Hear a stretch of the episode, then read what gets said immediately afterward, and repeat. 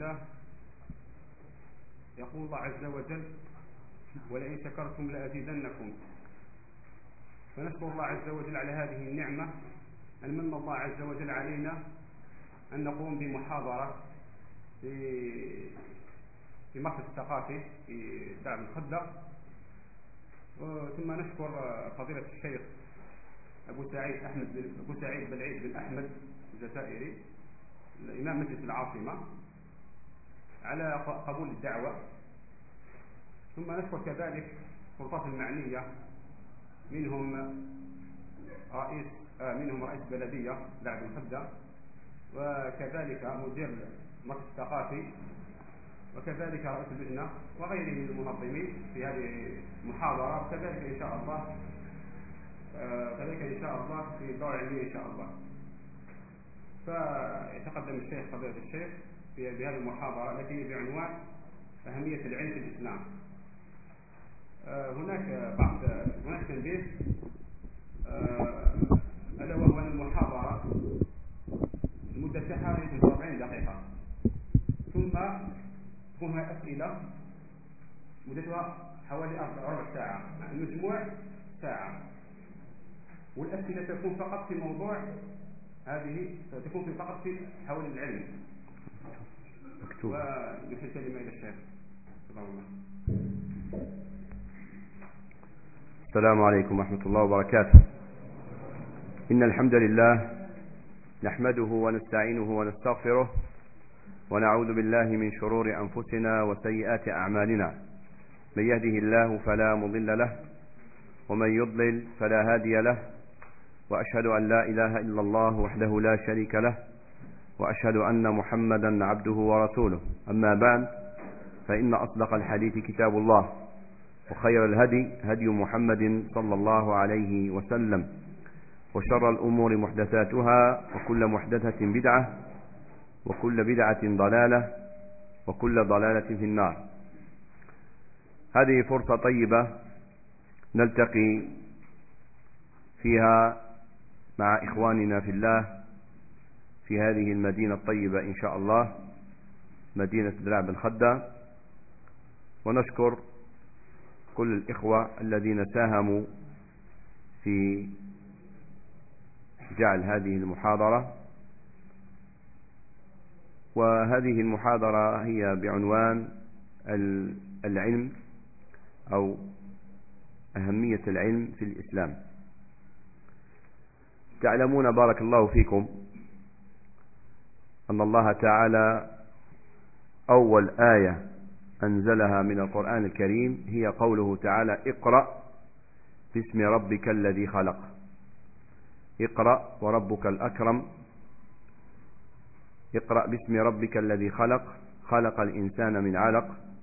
اقرأ وربك الأكرم الذي علم بالقلم. علم الإنسان ما لم يعلم. هذه الآيات الأولى التي أنزلها الله تعالى على رسوله محمد صلى الله عليه وعلى آله وسلم هي في العلم والقراءة. ولكن اقرأ باسم ربك يعني تعلم بسم الله. اقرأ بسم الله. لا تخالف شريعة الله في قراءتك. واقرأ ما يقربك إلى الله. واقرأ ما ينفعك في دينك ودنياك. وآخرتك. والعلم في الإسلام مهم جدا.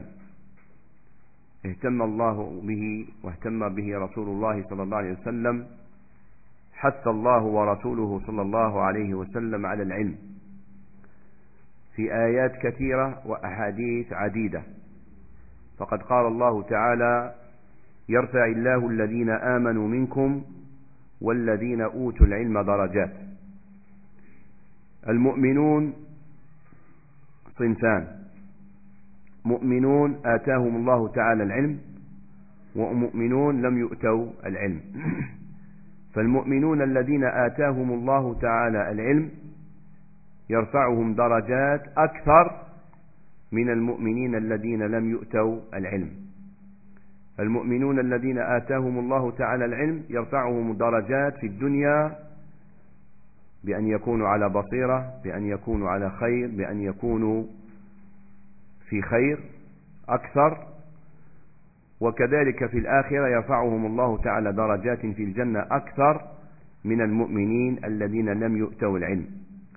ويقول تعالى إنما يخشى الله من عباده العلماء. إنما يخشى الله من عباده العلماء. من الذي يخشى الله أكثر؟ هم العلماء. هؤلاء يخشون الله أكثر. وقال الله تعالى شهد الله أنه لا إله إلا هو والملائكة وأولو العلم قائما بالقسط. لا إله إلا هو العزيز الحكيم. شهد الله لنفسه بالوحدانية بأنه واحد في الخلق. وواحد في الرزق وأنه واحد في الألوهية وواحد في الأسماء والصفات. وشهد له بذلك الملائكة وشهد له بذلك أهل العلم. فهذه درجة كبيرة أن الله تعالى جعل أهل العلم يشهدون لله بأنه واحد أحد. والآيات كثيرة حتى يقول بعض العلماء إن الله تعالى فضل وأباح الصيد إذا صاده الكلب المعلم وأما الكلب غير المعلم إذا صاد شيئا فإنه لا يجوز لك أن تأكل ذلك الصيد. فقد فضل الله تعالى العلم حتى في الحيوانات. وأما الأحاديث فكثيرة جدا منها قوله صلى الله عليه وسلم ومن سلك طريقا يلتمس فيه علما سهل الله له به طريقا إلى الجنة. يعني إذا مشيت لكي في طريق لكي تتعلم العلم فإن الله تعالى بذلك يسهل لك طريقا إلى الجنة. كيف ذلك؟ بأن يجعل لك أعمال الخير التي تؤدي إلى الجنة سهلة وييسرها عليك ويسهلها عليك. وقال النبي صلى الله عليه وسلم إن العلماء ورثة الأنبياء وإن الأنبياء لم يورثوا دينارا ولا درهما وإنما ورثوا العلم فمن أخذ به أخذ بحظ وافر يعني أخذ بنصيب كبير الذي يأخذ من ميراث النبوة. ميراث النبوة هو العلم. الورثة الميراث الذي تركه الأنبياء وخاتمهم محمد صلى الله عليه وسلم هو العلم. من أخذ بهذا العلم فقد أخذ بنصيب كبير وهذا هو السعيد الحقيقي وهذا هو الغني الحقيقي. وقال صلى الله عليه وعلى آله وسلم من يرد الله به خيرا يفقهه في الدين.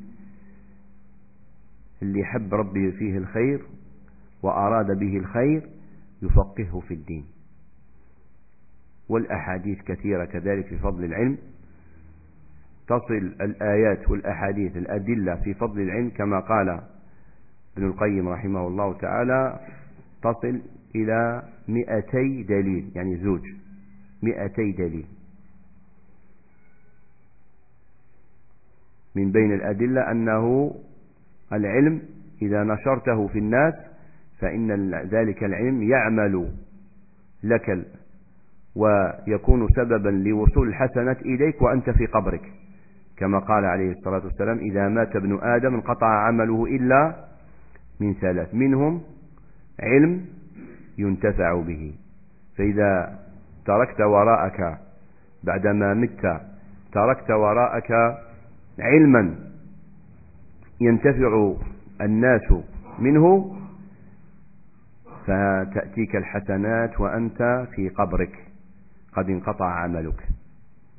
إذا ما دام هكذا أيها الإخوة ما دام العلم في الإسلام له أهمية كبرى فلماذا لا يهتم المسلم بهذا الشيء ويوليه أهميته؟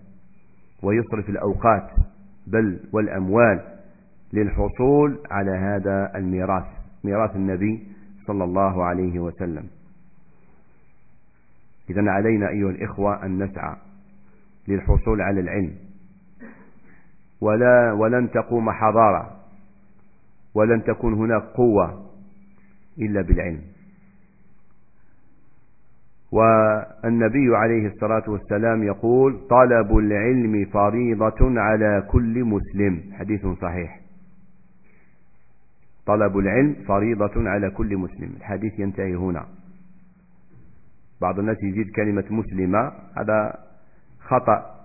زيادة كلمة مسلمة خطأ يعني لم يقل النبي عليه الصلاة والسلام مسلمة وإنما مسلم. لكن لا يعني هذا أن المسلمة ليست مطالبة بالعلم. لا هي مطالبة لكن نحن لا نزيد على النبي عليه الصلاة والسلام ما لم يقل. إذا طلب العلم فريضة على كل مسلم يجب على المسلم أن يطلب العلم. لكن هذا الحديث طلب العلم فريضة على كل مسلم هل معناه أن كل المسلمين لازم يكونوا متخصصين في الشريعة الإسلامية. يكونوا علماء في الدين. لا. إذا ما, ما معنى هذا الحديث؟ هذا الحديث طلب العلم فريضة على كل مسلم. يقول العلماء جزاهم الله خيرا العلم ينقسم إلى قسمين. علم ديني وعلم دنيوي. علم تاع الدين وعلم تاع الدنيا. العلم تاع الدين كيف تصلي كيف تصوم كيف تزكي كيف تتزوج كيف تطلق كيف تبيع كيف تشتري إلى آخره. هذا علم الدين. العقيدة ما هو الشرك حتى تبتعد عنه؟ ما هو التوحيد حتى تفعله؟ ما هي البدعة حتى تبتعد عنها؟ والعلم الدنيوي الرياضيات الهندسة آه، الكيمياء الفيزياء الطب التجارة البناء النجارة الإدارة الرياضة هذا علم دنيوي. إذا العلماء يقولون ينقسم العلم إلى قسمين علم ديني وعلم دنيوي. صح هذا التقسيم الأول. التقسيم الثاني هل العلم الديني واجب بكل أنواعه على المسلمين ولا فيه تفصيل؟ هنا يقول العلماء العلم الديني من حيث الحكم ينقسم إلى قسمين. قسم طلبه فرض عين على كل مسلم كبيرا كان أو صغيرا حاكما أم محكوما غنيا أم فقيرا ذكرا أم أنثى يجب عليه أن يطلب هذا العلم اللي هو فرض عين. وكاين علم في الشريعة فرض كفاية. إيش معنى فرض كفاية؟ إذا قام به مجموعة من المسلمين الآخرون لا يطالبون به. صح. ما هو العلم اللي هو فرض عين في الدين؟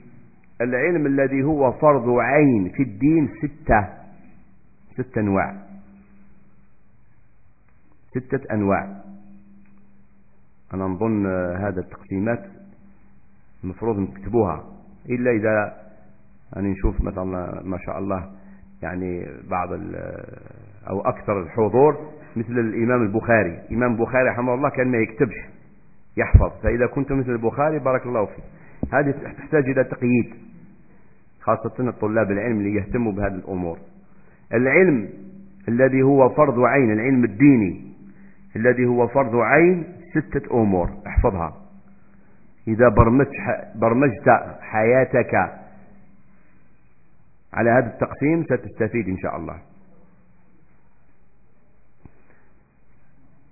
أول علم يجب عليك أيها المسلم أن تطلبه وعليكم السلام أن تطلبه هو علم العقيدة. من هو الله؟ لماذا خلقني الله؟ ما هي صفات الله؟ ما هو التوحيد؟ ما هو الشرك؟ طبعا بصورة مختصرة ماشي؟ لازم تتخصص وتتعمق. لا تأخذ بصورة مختصرة. تعلم الأصول الثلاثة. بصورة مختصرة. ولو كنت فلاح كنت نجار أستاذ تاع رياضيات ما لازم تطلب هذه الستة هذه لازم تقراها تتعلمها يسموها كيما يسموا الآن الجذع المشترك. هذه لازم علوم كلها نطلبوها. أما التخصص في الشريعة والتوسع هذا ليس مطلوب من الجميع. أول علم هو علم العقيدة. ما هو التوحيد؟ حتى تفعله وما هو الشرك حتى تبتعد عنه بصورة مختصرة. وكذلك من العقيدة أن تتعلم من هو رسولك؟ من هو رسولنا محمد عليه الصلاة والسلام؟ ما هو واجبنا نحوه؟ لازم نحب الرسول عليه الصلاة والسلام أكثر من آبائنا وأمهاتنا وأنفسنا وأولادنا والناس أجمعين. ولازم نقدم طاعة الرسول عليه الصلاة والسلام على طاعة غيره. حتى العلماء إذا أخطأ العالم أخطأ السنة نحترم ذلك العالم ولا نأخذ بخطئه. إذا تتعلم لا إله إلا الله محمد رسول الله صلى الله عليه وسلم. لا إله إلا الله لا معبود بحق إلا الله. تتعلم أن الله وحده هو الذي يستحق له العبادة. ما يجوز تعبد غيره. الله تعالى لما خلقك لم يستعن بسيدي عبد القادر ولا سيدي عبد الرحمن الجلالي الله تعالى لما خلقك أراد أن يخلق مثلا قلبك. ما قال سيدي عبد القادر؟ أنا نخلق القلب تاع هذا عمر وأنت خلق الراس تاعه لا. خلقك وحده. رزقك وحده. لما كنت في بطن أمك. لما خرجت إلى الحياة. فكما خلقك وحده فاعبده وحده. إذا تتعلم التوحيد وشن هو؟ بصورة مختصرة وشن هو الشرك؟ حتى تبتعد عنه. علاش رانا نشوفوا كثير من الناس هم يوقعوا في الشرك لأنه ما تعلموش وشن هو الشرك باش يبتعد عنه. تجد الإنسان يحلف بغير الله وراس بابا وراس يما ورجل أختي. ها؟ ويحلف وحق ربي. كما إحنا القبائل بزاف من القبائل يقولوا وحق ربي. هذا غلط. وحق ربي غلط. علاه. لأن حق الله وشنو هو حق الله؟ العبادة. راك تحلف بالعبادة. والنبي صلى الله عليه وسلم يقول من حلف بالأمانة فليس منا. تحلف بالله. تقول والله أقسم بالله بالله تالله. أو باسم من أسماء الله أو بصفة من صفاته. لا يجوز أن تحلف بالمخلوقات. ولا أن تحلف حتى بالأوامر. تقول مثلا أقسم بالصلاة. أقسم بالزكاة. ما يجوز. وإن كانت هي أمر. لأن النبي صلى الله عليه وسلم قال من حلف بالأمانة فليس منا والأمانة أمر من, من أوامر الله. محمد رسول الله. من هو رسول الله؟ ما هي السنة؟ ما هي البدعة؟ بزاف من الناس كيقول له هذه بدعة. يقول لك ما لا الطيارة ثاني بدعة. الميكروفون هذا ثاني بدعة. نقول له لا ما تخلطش. البدعة في الدين. لأن الله تعالى قال في القرآن الكريم اليوم أكملت لكم. كمل الآية؟ دينكم ولا دنياكم؟ اليوم أكملت لكم دينكم. فالدين كامل. نهار مات النبي صلى الله عليه وسلم كمل الدين. أما الدنيا ما كملتش. الدنيا في تطور. بكري كنا نبردوا الماء في القربة. واليوم نبردوا الماء في ماذا؟ ها؟ في ثلاجة واحد يقول لك لا لا الثلاجة بدعة. لا هذه أمور دنيوية. إذا إذا استطعت تحسن أكثر وتنوع وتخترع في الدنيا أهلا وسهلا. صح في الدين ما تخترعش. ولذلك هناك قاعدة مهمة احفظوها.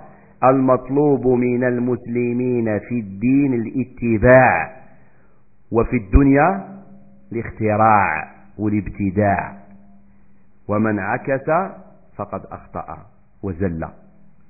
الدين ما تختارعش الرسول صلى الله عليه وسلم صلى الظهر ربعة شحال نصليوه أربعة في السفر صلاه ركعتين ونصليوه ركعتين. ما تختارع الناس أما النبي عليه الصلاة والسلام راح للحج من المدينة لمكة راح فوق الجمل ودرك عندنا طيارة. نروحوا في الجمل ولا في الطيارة. نروحوا في الطيارة. أسهل وأيسر وأريح. خمس سوايع وأنت في جدة. فتقول ليش الرسول صلى الله عليه وسلم خاطر راح في الجمل؟ أنا ثاني نروح في الجمل. الجمل هذا أمور دنيوية ولا أمور دينية؟ الجمل. أمور دنيوية. اختارع إذا كان الآن طيارة من الجزائر إلى جدة دير خمس سوايع. إذا قدرت تختار عنا كاش طيارة تدينا في زوج سوايع بارك الله فيك ماذا بينا؟ لكن الدين ما تخترعش لا. الدين طبق واش خلى النبي عليه الصلاة والسلام بفهم الصحابة رضي الله عنهم. لا إله إلا الله محمد رسول الله. بصورة مختصرة. تتعلم هذا الشيء. هذا الأمر الأول. الأمر الثاني اللي لازم نطلبوه العبادات الواجبة. كيف تتوضأ؟ كيفاش تستنجى إذا ما كانش الماء ماذا تستعمل؟ بعض الناس ممكن يستعمل حجارة وحدة حجرة وحدة. لا لازم ثلاثة أحجار فما فوق. إذا كيفاه تستنجى كيفاه تتوضأ؟ كيفاه تصلي؟ وقتاش يجوز لك تتيمم؟ في السفر شحال تصلي وما هو السفر اللي تقصر فيه الصلاة؟ إلى آخره العبادات الواجبة. جاء رمضان كيف تصوم؟ على راك تصوم. أصبت المجتمع يصوم راني نصوم. لا.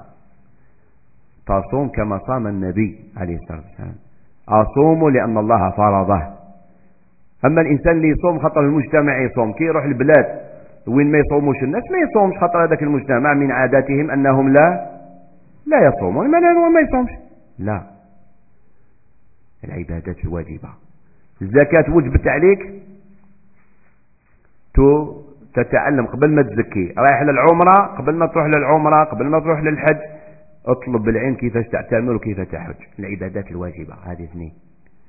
هذه لازم كلنا نطلبها. اللي راهو يقرأ في الطب اللي راهو يقرأ في الهندسة والبناي واللي يبيع اللحم واللي يبيع البصل لازم يتعلم هذه الأمور. لازم. ستة هذو؟ لازم. الأمر الثالث أن تتعلم أحكام الحلال والحرام في المأكل والملبس والمشرب وما هي الكبائر حتى تجتنبها صيب شاب لابس خاتم الذهب. على راك لابس خاتم الذهب. واش فيها؟ كله حرام. آه ما على باليش. هذه لازم تكون تعرفها. النبي عليه الصلاة والسلام أحل الذهب لمن؟ الذهب والحرير لمن؟ للنساء وحرمه على الرجال. طيب شاب محفف هذيك لاكوب تاع هاوس ولا ما نعرف واش يسموها مارينز على راك داير هذا لا موضة. لا. النبي عليه الصلاة والسلام نهى عن القزع. شو القزع؟ تحلق بعض الراس وتخلي بعض الراس يقول أنا شفت اللاعب البرازيلي رقم عشرة دار هذا كان ندير كما هو خاطر يعرف يسجل الأهداف. لا. هاك خالفت هنا. إذا تتعلم أحكام الحلال والحرام في المأكل والملبس. يقول بعض الناس حتى اللباس ثاني. نعم الإسلام يدخل نفسه حتى في اللباس تاعك. والمأكل والمشرب والملبس ما هي الكبائر؟ الخمر حرام. خليني نجرب. أم يقولوا بلي ماشي مليح نجرب ما تجربش. حرام حرام. المخدرات يقولوا هاك صح هاك جرب. جرب برك شوف. ما تجربش. حرام. ربي حرمه خلاص. علاه تجرب. حرام. هذه ثلاث. رابعا أن تتعلم حكم الإسلام في الناس الذين تتعامل معهم وتعيش معهم. الأبوين. كيفاش تتعامل مع الأبوين؟ كيفاش تتعامل مع الأم؟ كيفاش تتعامل مع الكبير؟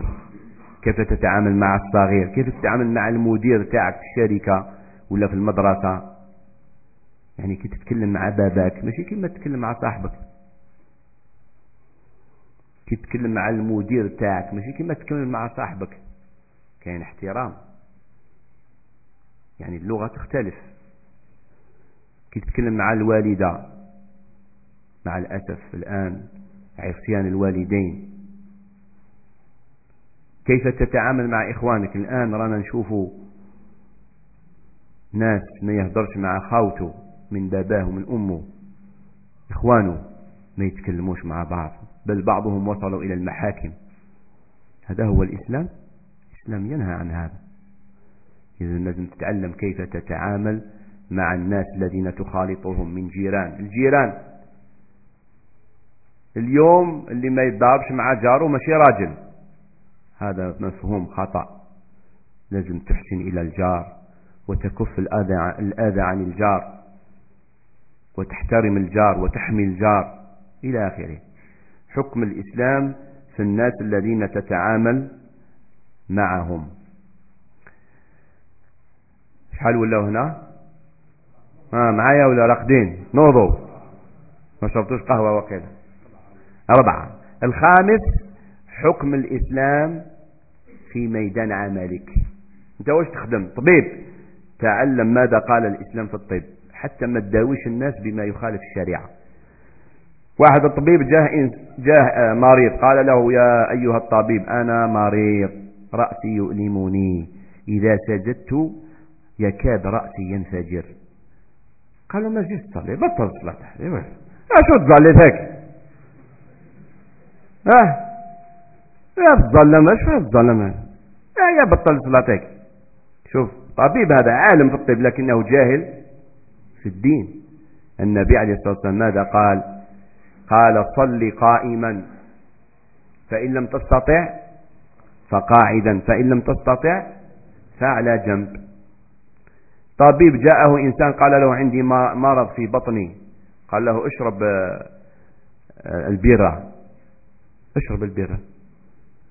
هذا الطبيب لو تعلم حكم الإسلام في ميدان عمله لقرأ الحديث الذي قال فيه الصحابي رضي الله عنه قال نهى النبي صلى الله عليه وسلم عن الدواء الخبيث. وجاء طبيب إلى رسول الله صلى الله عليه وسلم فقال له يا رسول الله الخمر؟ قال هي حرام. قال إني أجعلها دواء أو في الدواء. قال هي داء وليست بدواء. الخمر مرض. كي تسقيها الإنسان يزيد يمرض. شفتوا كيف إذا الطبيب لازم يتعلم حكم الإسلام في ميدان عمله. إذا دخلت عليه امرأة لكي يداويها فلا يخلو بها بل لابد أن يكون هناك محرم أو شخص ثالث تنتفي به الخلوة. ولا يكشف من جسمها إلا ما دعت الحاجة إليه. هذا يتعلم. النجار لازم ثاني يتعلم حكم الإسلام في ميدانه. أوه النجار ثاني نعم. جاءوا ليه قالوا له حين تفتحوا كنيسة درنا الصليب. يجوز ولا تعاونوا على الإثم والعدوان. لازم يكون صح على بصيرة. ماشي لازم يكون عالم في الدين كما البخاري ولا مسلم. لا ولكن لازم يكون على بصيرة يعرف هذه الأمور. إذا حكم الإسلام في ميدان عملك. أنت مهندس دير المخططات تاع البنايات وكذا. نعم لازم تدير المخطط تاع البناء لا يخالف الشريعة. ثاني الشريعة تتكلم حتى في البناء. نعم. كي تدير الدار تدير بحيث الضيف كي يدخل للدار يكون مستقل ولا يطلع على العورات ويكون مستقل ومرتاح وأهل البيت مرتاح. إحنا اليوم أو في البنايات التي تركتها تركها الاستعمار الفرنسي ال compteur تاع الغاز وين جاي؟ وين جاي؟ في المطبخ. يعني لازم كي يجي ياخذ الرقم العداد لازم يدخل إلى داخل الدار. طيب ما, ما تروحش تخدم أنت تستنى حتى يجي. ولا تخليه يخلو بالنساء. رأيتم إذا حكم الإسلام في ميدان عملك. تاجر أنت تعلم حكم الإسلام في التجارة. حتى لا تتاجر بما يخالف الشريعة. أنت أستاذ مدرس. كيف تدرس الطلاب؟ كيف تتعامل معهم؟ وهكذا. إذا حكم الإسلام في ميدان عملك بصورة مختصرة. ربي أعطاك تخصص. تاع طب ولا نجارة ولا إدارة. أتعلم حكم الإسلام في الإدارة. أنت تشتغل في الإدارة. واحد جاب لك ملف. يحتاج إلى توقيع. التوقيع ممكن توقعه في خمس دقائق. خليه خمس أسابيع. من خمس دقائق إلى خمس أسابيع. لا حرام عليك. خاطر ما عطالكش القهوة. ماشي القهوة هذيك النار. اسمها القهوة. من باب من باب تسمية الأشياء بغير اسمها باش يلطفوها. كما يقولوا في مصر حلاوة. اديني حلاوتي يا, بو يا بيه. حلاوة. هذه ماشي حلاوة هذه نار. إذا حكم الإسلام في ميدان عملك. شحال هذه؟ خمسة. السادس أن تتعلم من اللغة العربية ما تفهم به به دينك وتصح به عبادتك. لازم. ماشي لازم تكون كما سيباويه تسمعوا بسيباويه سيباويه هذا عالم من علماء اللغة العربية. ماشي لازم تتعلم اللغة العربية تكون متخصص كما سيباويه لا. لكن لابد تتعلم من اللغة العربية ما تفهم به دينك. كي تقرأ الحمد لله رب العالمين. واش معنى الحمد لله رب العالمين؟ بصورة مختصرة. هذا هو. وما عندنا حتى إشكال في الإسلام أنه مثلا ينهى يعني الإنسان اللي موش عربي. ماشي عربي مثلا. أصله موش عربي. أمازيغي أو باكستاني أو فارسي أو أندونيسي يدخل في الإسلام عادي ويكون مسلم ويتكلم باللغة تاعو ويعرف من اللغة العربية ما يفهم به الدين وتصح به العبادة. ما عندنا حتى إشكال في الدين تاعنا. النبي عليه الصلاة والسلام ما جاش الناس يقول لهم يولوا عرب لا. النبي صلى الله عليه وسلم جاء باش يدخل الناس في دين الله أفواجا. ثم كل واحد على أصله. لو اللي ماشي عربي. يقول لازم تولي عربي؟ باكستاني. لازم يولي عربي؟ طلياني. يدخل في الإسلام. طلياني. لكن لابد يتعلم من اللغة العربية ما يفهم به الدين. ومن هو عربي؟ أو عربي. لكن مع الأسف حتى العرب اليوم ما يعرفوش من اللغة العربية إلا القليل. دخلت فيهم العجمة واستعمرتهم الكلمات الأجنبية. إذا لابد أن تتعلم من اللغة العربية ما تصحح به ما تصح به عبادة عبادتك وما تفهم به دينك. هذه شحال هذه ستة لازم نتعلموها كلنا. وبهذا نكون على بصيرة. كما قال تعالى قل هذه سبيلي أدعو إلى الله على بصيرة أنا ومن اتبعني. يعني على بصيرة. فايقين المسلم لازم يكون فايق في دينه ماشي اللي يجي يكلخلو. إحنا اليوم ما شاء الله في الدنيا واحد ما يقدر يكلخنا أروح تخرج الف فرق من جيبي يا صراحة يحب لك. لكن الدين اللي يجي يلا نمشيو معاه. لا. الدين لازم تكون على بصيرة. أما التخصص في الشريعة الإسلامية والتوسع فيها هذا فرض كفاية. مش معنى فرض كفاية؟ مجموعة من الشباب يتخصصوا في الشريعة يدرسوا الشريعة الإسلامية. هذا ليس واجبا على كل المسلمين وإنما هو واجب على طائفة من المسلمين. يكون عندنا علماء لازم يكون عندنا علماء في الدين. باش كي تجي الفتاوى هم الذين يتولون إفتاء الناس. إذا العلم الديني من حيث الطالب ينقسم إلى قسمين. علم طالبه فرض عين وهي ستة. وعلم طالبه فرض كفاية وهي الأمور وهو التخصص في الشريعة الإسلامية أما العلم الدنيوي فطلبه مما ينفع طلبه فرض كفاية. فرض كفاية يكون عندنا مجموعة الأطباء مجموعة مهندسين مجموعة إداريين متخصصين في الإدارة مجموعة تجار وهكذا. هذا هو العلم. طلب العلم فريضة على كل مسلم. عرفنا إذن معنى هذا الحديث. طيب كيف نطلب العلم؟ نطلب العلم بطريق من طرق ثلاث. الطريق الأول عن طريق السؤال. قال تعالى فاسألوا أهل الذكر إن كنتم لا تعلمون. إن كنتم لا تعلمون. اسأل. حبيت حاجة في الدين؟ اسأل. الطريق الثاني عن طريق التتلمذ يعني تلازم بعض أهل العلم تلازمهم تعيش معاهم حتى تستفيد منهم من دروسهم وحلقاتهم. والطريق الثالث عن طريق قراءة الكتب. الطريق الأول والثاني هو هما الأصل. الطريق الثالث طريق قراءة الكتب.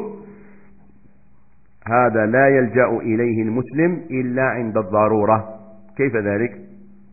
يعني الإنسان ما عنده والو ما يعرفش في الدين. أول ما يبدأ طلب العلم يبدأ عن طريق الكتب. هذا خطأ وخطر. لأن الأصل أن تطلب العلم عن طريق العلماء عن طريق أهل العلم. يعني تأسس نفسك ما عندك والو من العلم تبدأ بالكتب هذا خطأ.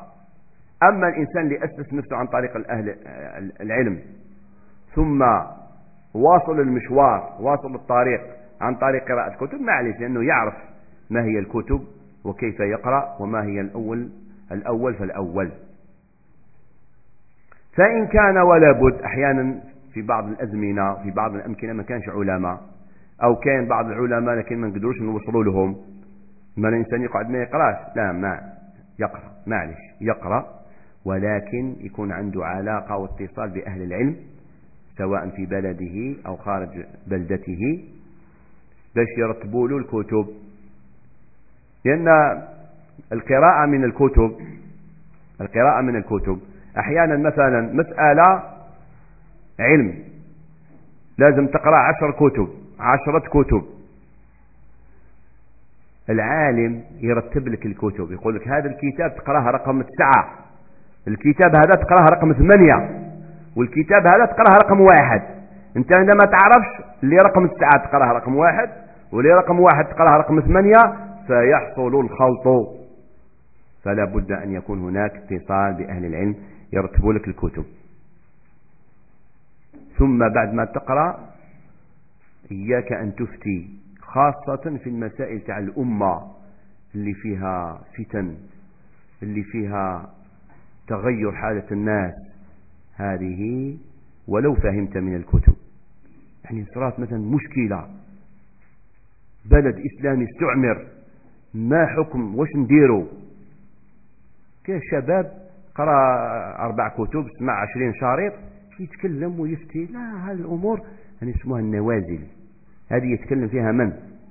أهل العلم. الذين آتاهم الله تعالى العلم وشهد لهم العلماء بالعلم. المهم كذلك من هم العلماء الذين نسألهم؟ العلماء الذين نسألهم هم الذين شهد لهم أهل العلم بأنهم علماء وأهل الفتوى. هذا أول. يعني كيفاش نعرف باللي إنسان مزكى؟ أن يشهد له أهل العلم بأنه عالم. الطبيب شكون يشهد له باللي طبيب؟ ها؟ النجارين. من يشهد له بأنه طبيب؟ من؟ الأطباء. هم الذين يشهدون له بأنه طبيب. كذلك العالم هم هو الذي يشهد له أهل العلم العلماء بأنه عالم وأهل للفتوى. صح؟ هل هذا هو الطريق الوحيد باش نعرف الإنسان أنه مزكى لا ليس هذا هو. لأنه بعض الناس الآن يقولوا آه فلان عنده تزكية شكون زكاه؟ هذا غلط. لابد أن تنظر إلى حاله وتاريخه وحياته. هل هو من أهل العلم؟ هل هو معروف بطلب العلم؟ هل عنده إنتاج؟ هل عنده كتب خطب؟ من الماضي معروف أنه كان يدعو إلى السنة إلى التوحيد ويحارب البدعة. هذه في حد ذاتها تزكية. لأنه الآن بعض الشباب يعرف بعض الدعاة خاصة في بلادنا مشهور من زمان بالعلم والدعوة إلى السنة. يقول لك لا لا لازم يزكيوهم هذه في حد ذاتها تزكية. هذا فساد في الأرض أنه إنسان طبيب مشهور بالطب ثم أخطأ. أرميه قاع لا اترك خطأه وخذ منه الحق. إذا كيف نعرف الإنسان من بأنه من أهل العلم؟ مشهور بالعلم والتقوى والدعوة إلى السنة أو أنه زكاه العلماء. إذا ما زكاهش العلماء ممكن ما وصلش. الخبر تاعه لأهل العلم. أو وصل لكن ما ما تكلموش. ولكنه معروف من زمان أنه يدعو إلى السنة يدعو إلى التوحيد يدعو إلى الخير.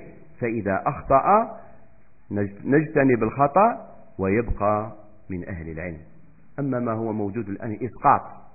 غلط غلطة نحيه قاع نحي الجذور تاعه هذا فساد في الأرض. لو إنسان مثلا عنده زوجة تعرف الطيب. في يوم من الأيام حرقت القدرة. ماذا يقول هذا الرجل؟ ما تعرفش؟ طيب. ما يأكلش هذيك الماكلة ولكن زوجته تعرف تطبخ. واضح؟ إذا بهذا إن شاء الله الكلام في هذا يحتاج إلى تطويل لكن الوقت لا يساعد. فبهذا إن شاء الله نكون على بصيرة في ديننا. وعلى الإنسان أن يدعو الله أن يدعو الله تعالى أن يرزقه العلم النافع أن يكون مخلصا لله سبحانه وتعالى. ولعلنا إن شاء الله في الأيام القادمة إذا يسر الله تعالى آه، نزيد هذا الأمر بعض الوضوح. نسأل الله تعالى الهداية والتوفيق. والحمد لله رب العالمين. والأسئلة الآن في في الموضوع. أسئلة نريد الأسئلة في الموضوع.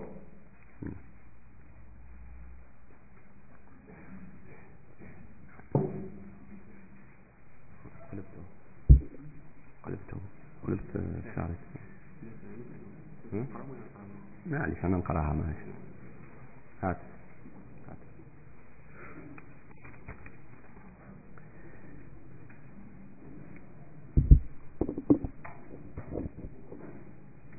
قال هنا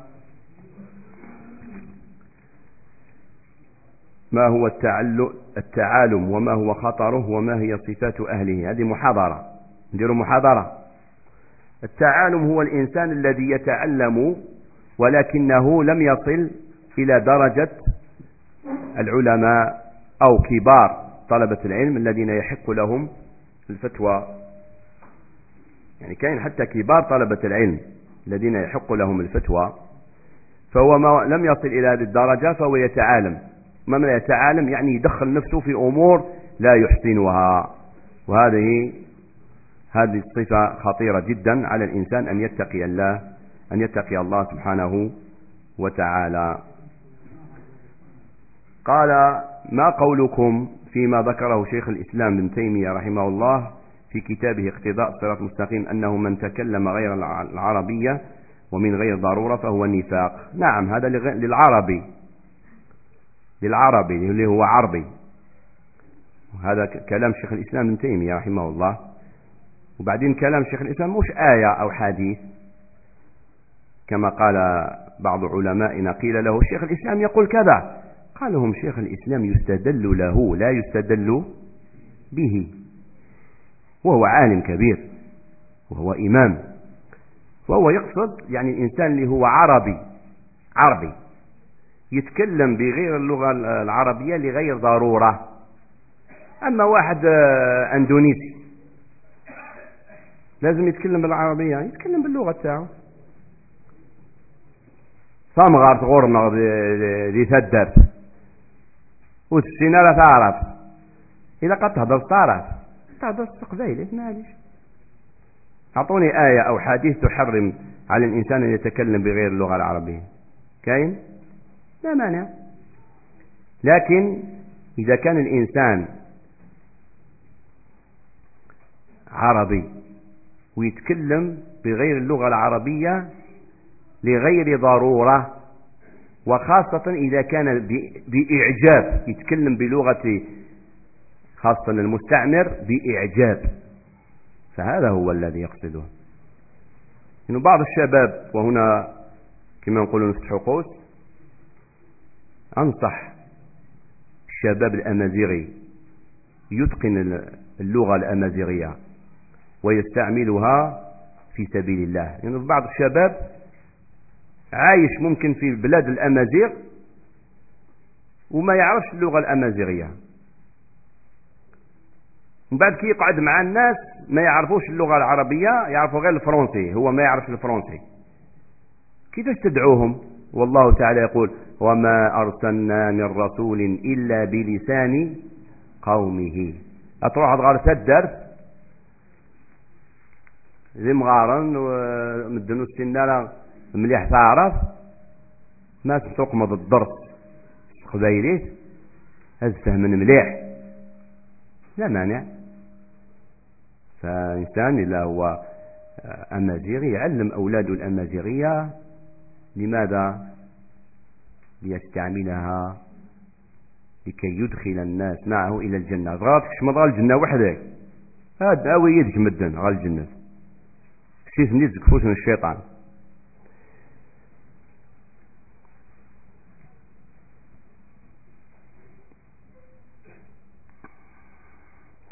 هنا يقول بعض التلاميذ يهجرون مقاعد الدراسة بحجة الاختلاط والعلم المفروض هو العلم الديني. نعم لا يجوز الدراسة في الاختلاط. ونسأل الله أن يهدي المسلمين إلى أن يعودوا إلى رشدهم وأن يفصلوا بين الذكور والإناث. لكن هناك فتوى لعلماء كبار يقولون من ابتلي بهذه الدراسة فليتق الله ما استطاع يبتعد عن الخلوة بالنساء وعن التحدث معهن إلا لحاجة ملحة ويبتعد عن النظر إليهن ويختار المدارس الأقل فالأقل شرا. هذا هو. هذه فتوى قالها علماء كبار أمثال الشيخ بن عثيمين وغيره. رحمه الله تعالى. نعم. قال هل يفهم من قول النبي عليه الصلاة والسلام من يريد الله به خيرا يفقهه في الدين أن الذي لا يريد الله به الخير لا يفقهه في الدين نعم. من لم يتفقه في الدين فلم يريد الله به الخير. لابد أن تتفقه في الدين. لكن وش هو التفقه في الدين؟ على التفصيل الذي ذكرناه. فرض عين وفرض كفاية. قال ما هي أو كيف يمكن الاستفادة من طالب علم؟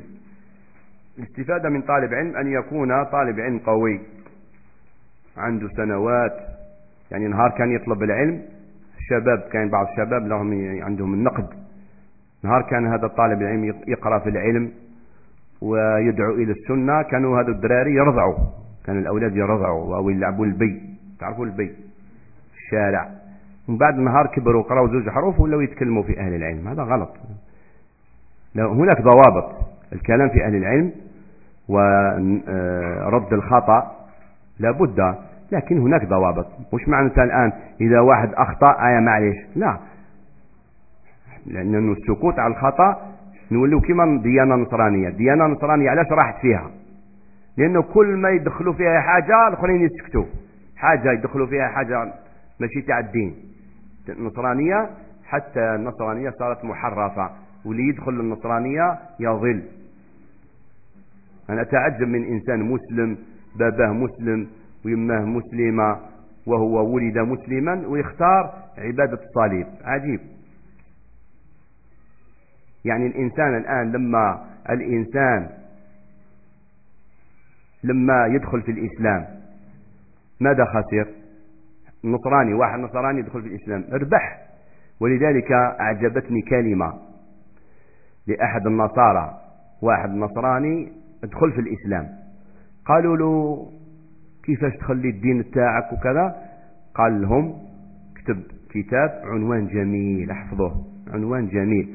قال لهم يعني أنا لما دخلت في الإسلام قال لهم ربحت محمدا ولم أخسر عيسى. ربح محمد واختار غير عيسى. صح. يعني ما تشمط دي الإسلام. أتم نص المسيح نغلا أتم نص المسيح عليه السلام. إذا الخسير ضلع مما إلا كفرت الإسلام. أتي لضا التمنض كان في المسيح وزرعه في التمنض يفنى الرب. لابس على كل حال عندهم مذاهب وما زالوا مستهمنا لا. نصارى ما زالوا مستهمنا لا. سي دي بارتي. ذي الدين أنا مستهمن ومن بعد روحنا داغم لنا مكان الحو. إذا لما تؤمن بعيسى فقط وتكفر بمحمد راك خسرت لكن لما تؤمن بمحمد تؤمن بجميع الأنبياء والمرسلين فقال لهم ربحت محمدا ولم أخسر عيسى. عليه السلام. طيب. هذا الأخ يقول ما هي الكتب التي يجب على المبتدئ البدء بها خاصة في هذه المنطقة؟ وكيف تساعد الزوجة على الطلب؟ أو نساعده بالنسبة للكتب تقرأ المختصرات. شاب ما يعرفش العلم أول ما يبدأ يدخل مع فتح الباري المغني المحلل لابن حزم وهذاك رايه قال مالك حرام وقال أبو حنيفة حلال وقال الشافعي مكروه قال الأوزاعي بين بين. واش بهم هذا علاش مختلفين آية خلينا من هذا الدين هذا. ما يفهمش. إذا لابد أن تتعلم المختصرات. مختصر في العقيدة مختصر في اللغة العربية. آه، آداب طلب العلم. لابد أن تتعلموا آداب طلب العلم. لأنه كثير من الشباب تصيبوه يعرف الحديث ويعرف التفسير لكن ما قراش آداب طلب العلم. كي تختلف مع صاحبك في العلم كيف تفعل؟ إذا أخطأ الشيخ كيف تتصرف؟ إذا طردك الشيخ من الحلقة نوط امشي ما تقراش عندي. كيف تتصرف؟ هذه تقرأها في كتب آداب طلب العلم. مختصرات. ثم تبدأ من المختصرات إلى أطول فأطول وتبدأ بالأهم ثم المهم. وكيف نساعد الزوجة على الطلب؟ نفس الشيء اللي فرض عين عليك فرض عين على الزوجة. لكن هنا أنبه عندنا واحد العادة إحنا الجزائريين خاصة طلاب العلم. كلهم كلهم يحبوا يوليوا ألباني وبنباز. لا لا يا جماعة. طالب العلم مش لازم قاع نطلبوا يعني نتخصصوا في الشريعة. اللي يتخصص في الشريعة لازم تكون عنده مؤهلات. وش المؤهلات؟ يكون عنده ما ذكره الإمام ابن القيم رحمه الله. اسمع إلى هذا هذا البيتين من الشعر. قال أخي لن تنال العلم إلا بستة سأنبيك عن تفصيلها ببيان. ذكاء وحرص واجتهاد وبلغة وصحبة أستاذ وطول زمان.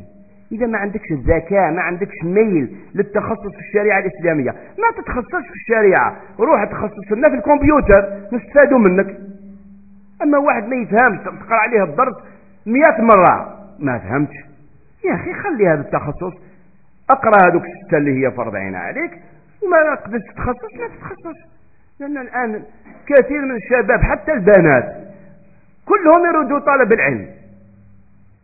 وممكن إنسان يعصي والديه يقول له ما تروحش للجامعة الفلانية تقرأ. يقول له لا نقرأ لأنه فرض عين. مش فرض عين عليك هذا فرض كفاية. قال لك بعدك روح تخصص في الكمبيوتر وانت عندك ميول للكمبيوتر اتخصص في الكمبيوتر. إحنا نريد علماء في الشريعة انتبهوا ما تفهمش من كلامي باللي لازم منا خاصة بلادنا. مخصوصين ناس متخصصين في الشريعة نعم. وهذه الفوضى التي نراها بسبب عدم وجود العلم الصحيح. لكن باش تطلب العلم الشرعي تتخصص يعني تولي سبيسياليست في العلم الشرعي هنا لابد يكون عندك صفات مؤهلات. أما إذا ما عندكش مؤهلات شوف الآن وين أنت مايل من العلوم النافعة التي ليس فيها مخالفة للشريعة واطلبها هذا هو. كما يقول ابن القيم رحمه الله قال الولد كي تربيه تعلم له الأمور الواجبة ثم تنظر إلى ماذا يميل. شفتوا باللي يميل إلى الشعر؟ خليه يولي شاعر ولكن اضبطه بضوابط الشريعة. حب يولي مقاتل خليه يولي مقاتل. ينفع الأمة بالضوابط الشرعية وهكذا. إذا هذه الفكرة اللي عندنا خاصة طلاب العلم قاع يكونوا يحبوا يكونوا ابن تيمية يكونوا إمام مالك لا لا. هذه على طائفة معينة ممن عندهم الأهلية وعندهم المؤهلات. هذا يقول نصيحة لمن أراد طلب العلم في دول الخليج. أنا أنصح الإنسان يطلب العلم في بلده إذا كان هناك من يطلب عندهم العلم. كي يشرب هذاك العلم اللي موجود في بلاده كما كان يفعل السلف الصالح ينتقل إلى بلد آخر. لكن كي ينتقل إلى بلد آخر ما يروحش هكذا خاصة الآن. يروح يحرق كما يقولوا يحرق. لا ما عنده لا إقامة لا résidence ويحكموه la police ويهرب ويطلع فوق الشجرة ويدخل تحت الكاميو يتخبى لهم. وين هذا هذا غلط. تطلب العلم تروح هناك بمنحة معزز مكرم متفرغ طلب العلم. أما ما يفعله بعض الشباب يقول لك يروح يقعد ثم وبعد يولي يطلب الناس يتبع في الناس الأغنياء باش يعطوه الزكاة هذا خطأ. خطأ. وراهم كثير من الشباب شوهوا صورة خاصة الجزائريين في تلك البقاع. يقول لك نروح نطلب العلم. المهم إحنا عندنا الجزائريين كلهم إلا من رحم ربي يحبوا l'immigration. يحبوا يخرجوا من هذه البلاد هذه. واش هذه البلاد هذه؟ اخرج من هذه البلاد. قاع. الملتزم وغير الملتزم. الملتزمين إيه بعضهم يغطيوها بطلب العلم. هو لا طلب العلم لا والو. هذا حاجة الفنان. هذا يسوي الميريندا. وكذا الرز وكسوم بلغم فهمم ايوا يغلفها بطلب العلم الشرعي. هناك ناس مخلصون يريدون طلب العلم الشرعي صح. لكن إيه قال تعالى وأتوا البيوت من أبوابها. تذهب هناك إما منحة من بلدك أو منحة في ذلك البلد أو جمعية خيرية لا غبار عليها ليست حزبية ليست فيها تشويش ها؟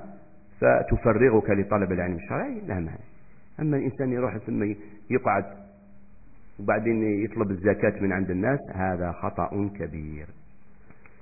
والأشرطة الأشرطة مهمة آه، خاصة السلسلة لشرح كتاب أو كذا جيدة. ولكن هذه السلسلة ما تسمحهاش وأنت تاكل وأنت متكي وأنت في الطيارة. لا السلسلة هذه اقعد في غرفة أو في المسجد ودفتر كراس وقلم وتسجل الفوائد. كأنك جالس بين يدي العالم.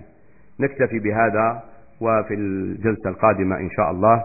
نسأل الله تعالى أن ييسر لنا الأمور. سامحونا طولنا عليكم. بارك الله فيكم. والسلام عليكم ورحمة الله وبركاته.